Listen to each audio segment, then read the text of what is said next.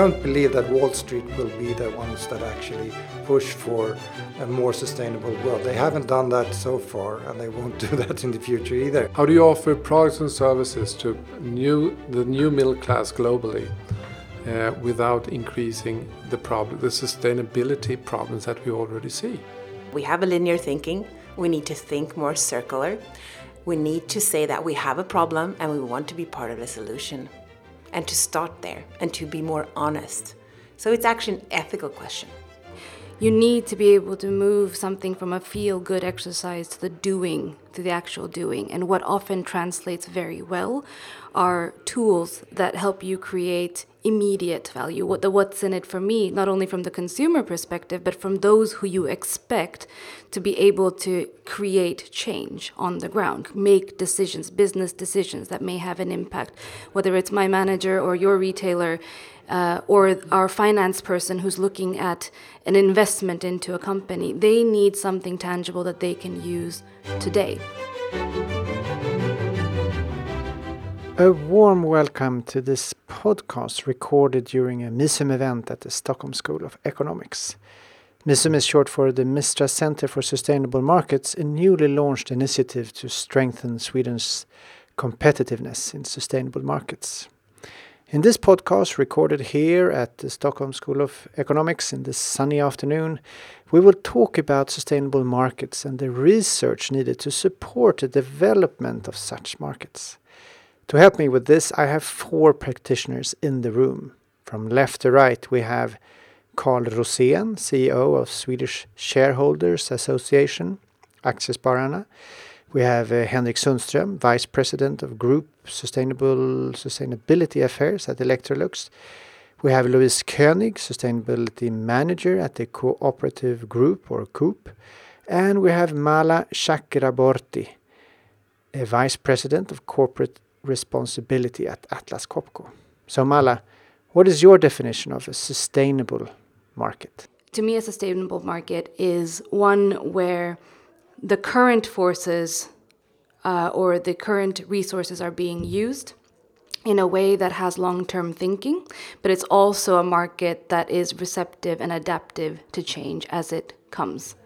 Thank you, Mala. Uh, Henrik, what do you think are the challenges with sustainable markets? The most difficult challenge for companies is really to change uh, the perception of sustainability out in the markets, to change the position of the end consumers at the end, how they perceive those products and services you're offering. To give you a very clear example, Mala Chakraborti. Uh, you know, we're exploring at Atlas Copco can we convert our production sites to renewable energy? And I can slice that offering in any way you'd like. It's great for the environment. Uh, I can sell it to the business because it's great for energy security. Everyone's on board. And then I pick up the phone and I call our manager in South Africa, and he says, Mala, we don't even have regular energy at a steady level, and the government doesn't know how to supply renewable energy. So the bottleneck then isn't just what the company is striving to do, it is also what kind of infrastructure is present, what kind of legislation is present, what kind of actors and stakeholders are present, and very much on topic, what kind of research is available to actually drive the change that we need. So step one, Henrik, I think is is the desire, it's the awareness of what sustainability is, both inside our organizations and outside, and then once you're on board, it is very practical things that stand in your way to create value, to create this sustainable change. So, Louise, how do you approach uh, sustainable markets? For us to move towards sustainable markets, we need to talk about ethics. We need to dare to question, we need to show leadership, we need to go to into a more transformative market, start a multi-stakeholder process where many different stakeholders in society starts a dialogue about um, what is sustainability. And I think it's very important to say that uh, we have a linear thinking. We need to think more circular. We need to say that we have a problem and we want to be part of the solution. And to start there and to be more honest. So it's actually an ethical question. Well, that's interesting. What do you think by being honest in this setting? What does it mean for you? I think that uh, if we talk about ethics here, I think that uh, we represented many companies and organizations that have been around for maybe five to 10, or as my company, we've been around for 120 years. So we've been doing business in one way. Now we need to change to make business in a different way because we know that we have planetary boundaries. We know that we have social exclusion. So we have both environmental and social issues, problems for further development. So we need to dare to say that, okay, we have problems here. We need to do business in a different way. And I think it's very important then if we see that, that we have a strategy, we set goals, we have targets, we're transparent, it becomes part of a board discussion where we're moving for a more sustainable market and that we invest in that. And I mean invest also in real money. So you see there's a connection between inner and outer purpose. Absolutely. Absolutely. Thank you, Louise. And uh, Carl, you're on the economic side of things here.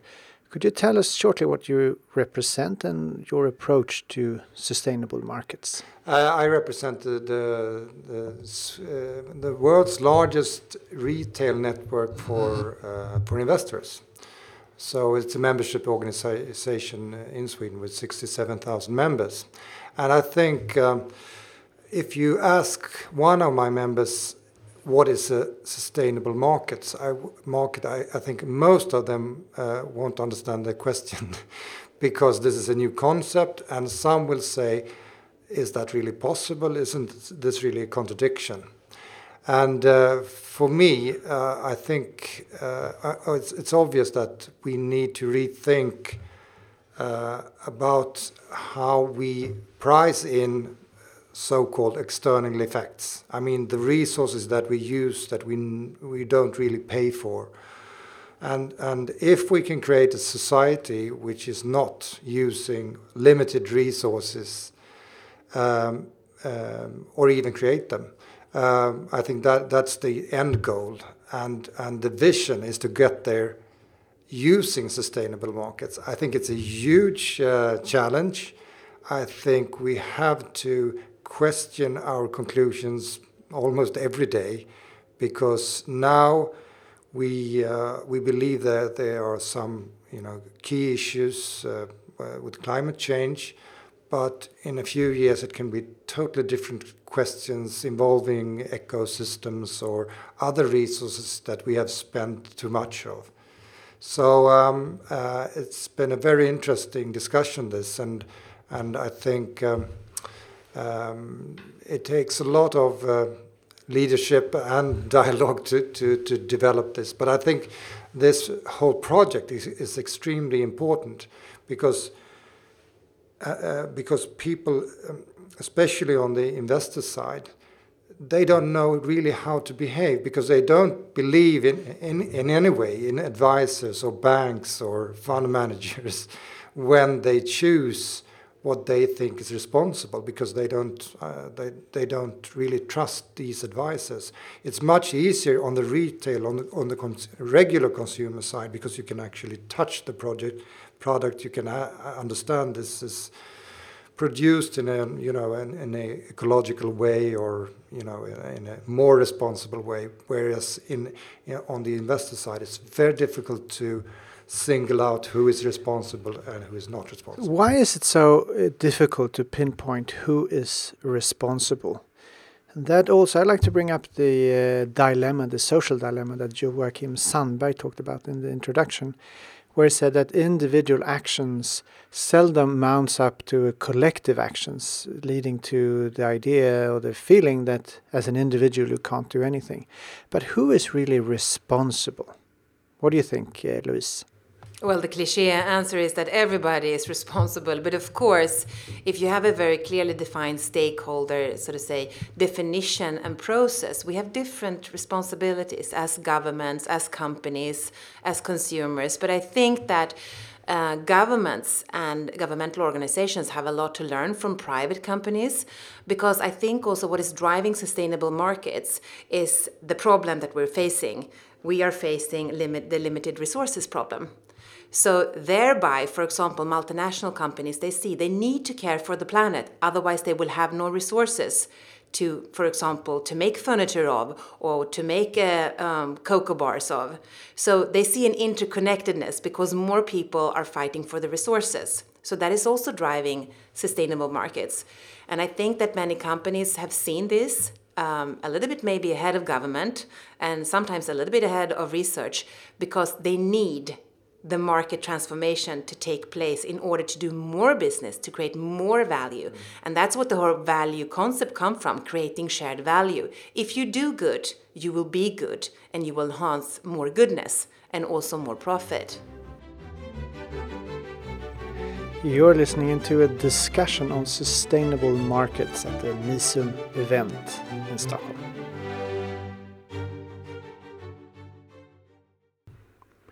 I'd like to touch upon another theme here that is the structures and processes that enables these sustainable markets to work. Henrik, what are what is your experience? What works out there in your field at Electrolux? I think what works everywhere is where people see a benefit for themselves, regardless if it is business to business, business to consumers. But that there should be benefit for the end consumer, and it should be a sustainable offer. And that is difficult to combine on some markets, but that must be the ultimate driver for this. So the enabling structures are driven by consumers.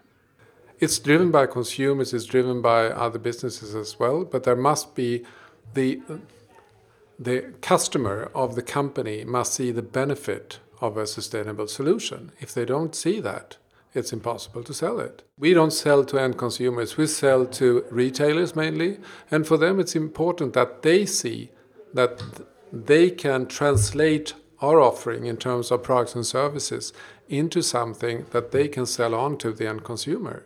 And I think it's the same regardless of what business you're into, because everyone has to see the opportunities and benefits for them in the value chain. In a global interconnected world where you're only a part of this long, long value chain, how can you push for your issues, the sustainability issues? What are the structures that need to be in place? There's so many things that, that come into mind. I'm still also reflecting on what you said, Henrik. I'm sorry, I'm going to go back. Um, sustainability is about change management, as you say. It's about changing people's attitudes for sure, but coming back to what processes and uh, structures you need, you need to be able to move something from a feel good exercise to the doing, to the actual doing. And what often translates very well are tools that help you create immediate value. What the what's in it for me, not only from the consumer perspective, but from those who you expect to be able to create change on the ground, to make decisions, business decisions that may have an impact, whether it's my manager or your retailer uh, or our finance person who's looking at an investment into a company, they need something tangible that they can use today. And often, what exists are tools that predict the impact on the environment 50 years from now. We understand the impact, but it doesn't translate on how I can make a difference, how, what's in it for me. And then, as soon as you answer that question, is how can I help? So, the more we see uh, the tools, the training, the awareness, and then the facilitation of dialogue where things are put on the table, the transparency, and that lead to working groups that tackle it, that's when, when the change starts to happen.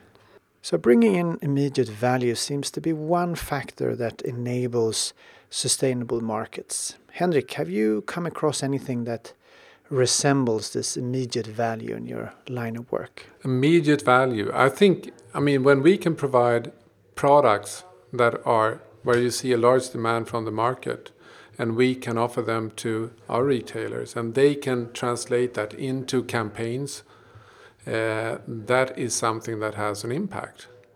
Uh, you can see, I mean, the whole transformation of our business has been phenomenal during the last 15 years in particular in Europe, where we have today the best products are using like less than 50% of what they did 10 years ago.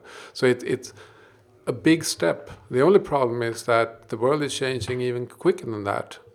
And uh, that's the dilemma for, for companies today or for sustainability at large that the transformation of the global business is so radical, so fast that development has to be even quicker than that.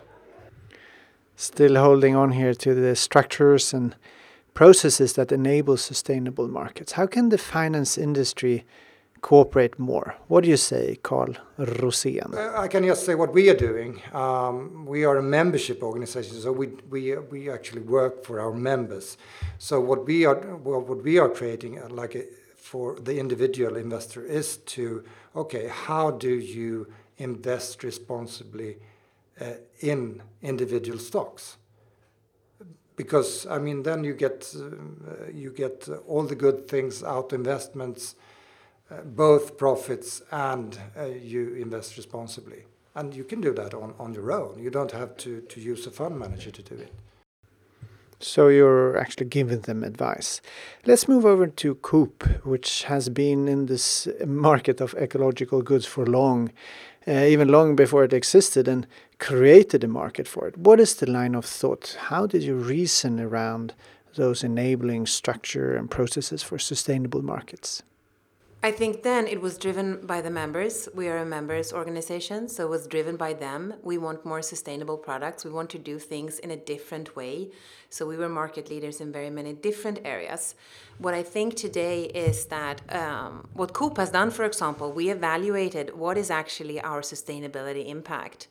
And when we did that, we saw that the absolute foremost way for us to lower our impact on society and the environment and create societal benefit was to offer people sustainable products that are ecological, environmentally adapted, healthy, and uh, fair.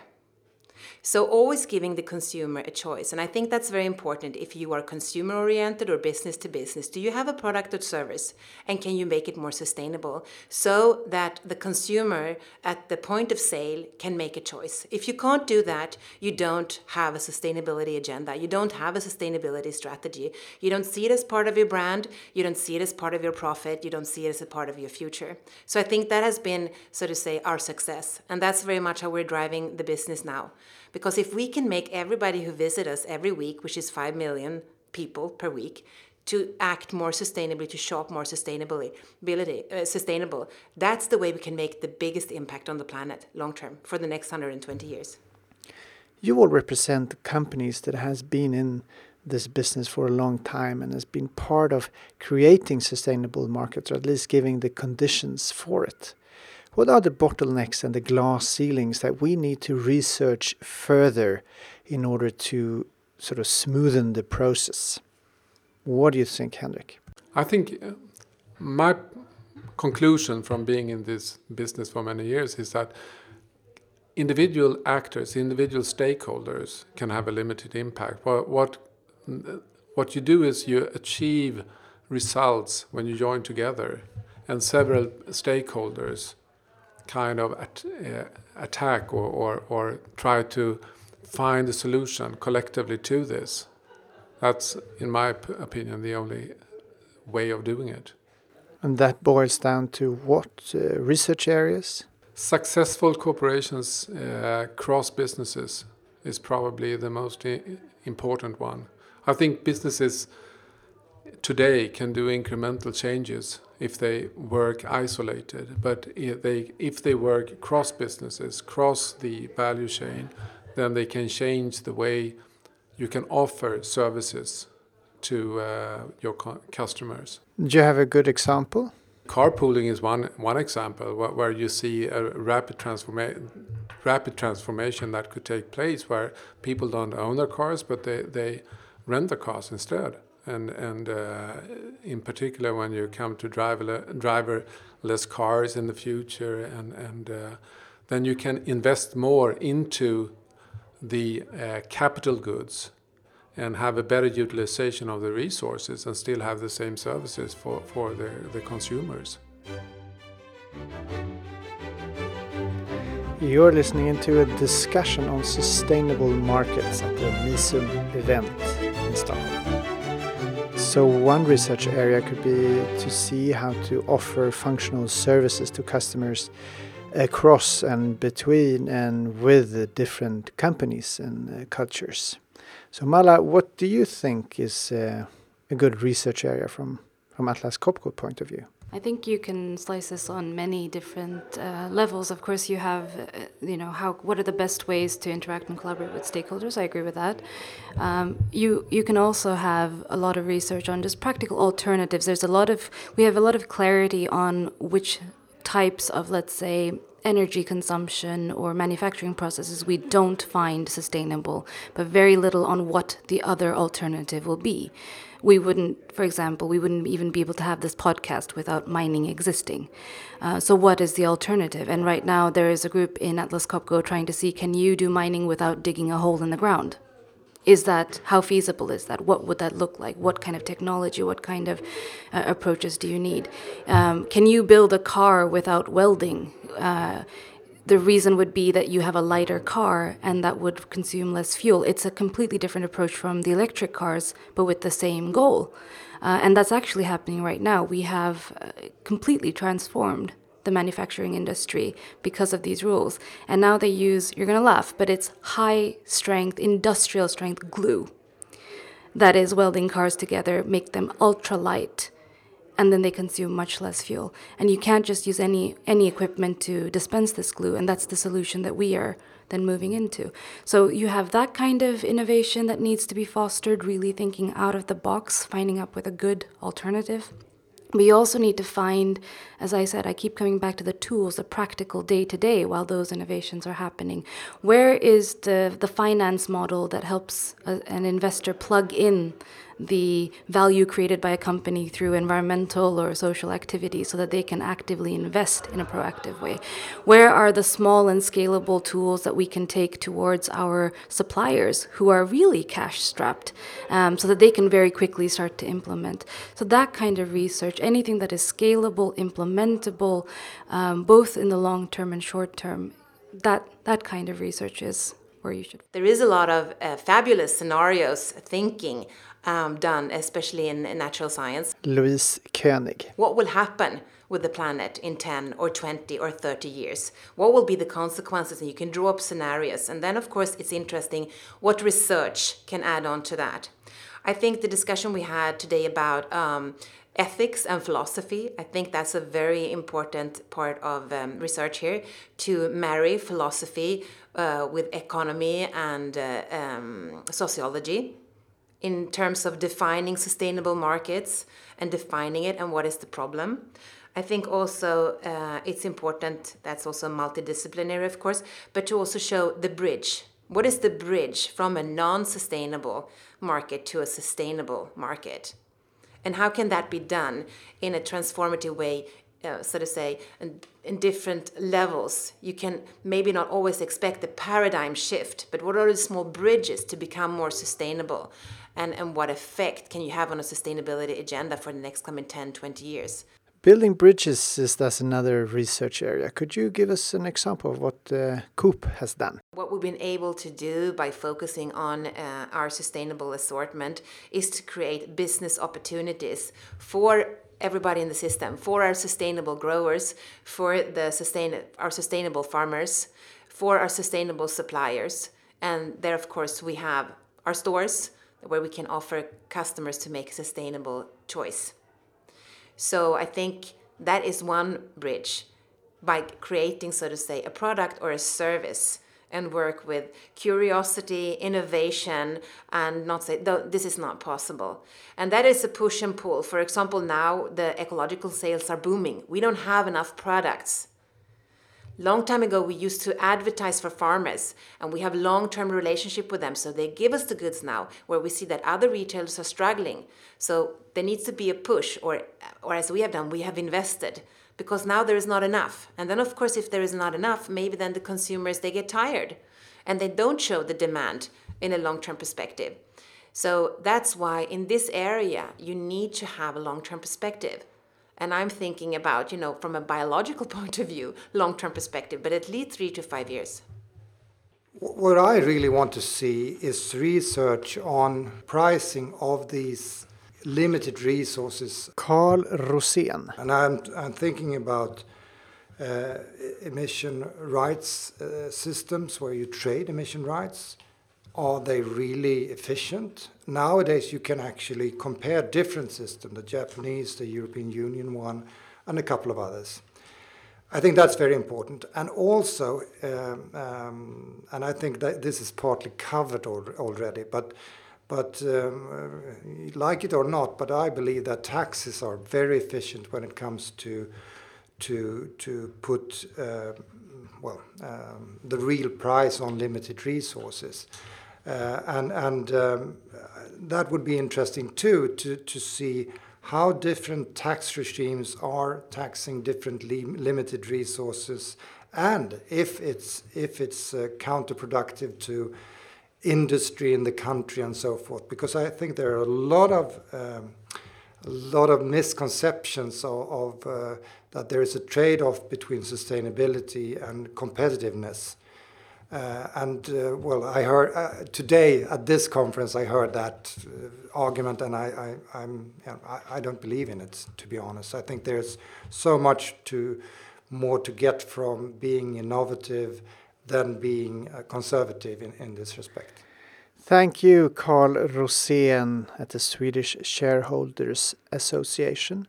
And thanks also to Henrik Sundström at Electrolux and Louise König at Coop and Mala Chakraborti at Atlas Copco for sharing your insights into what defines or what makes a sustainable market, what makes it work, and what kind of research would be interesting to look at. And there are a few ideas that have popped up here. We talked about pricing, we talked about cross sector cooperation, and we also talked about bridges in the value chain.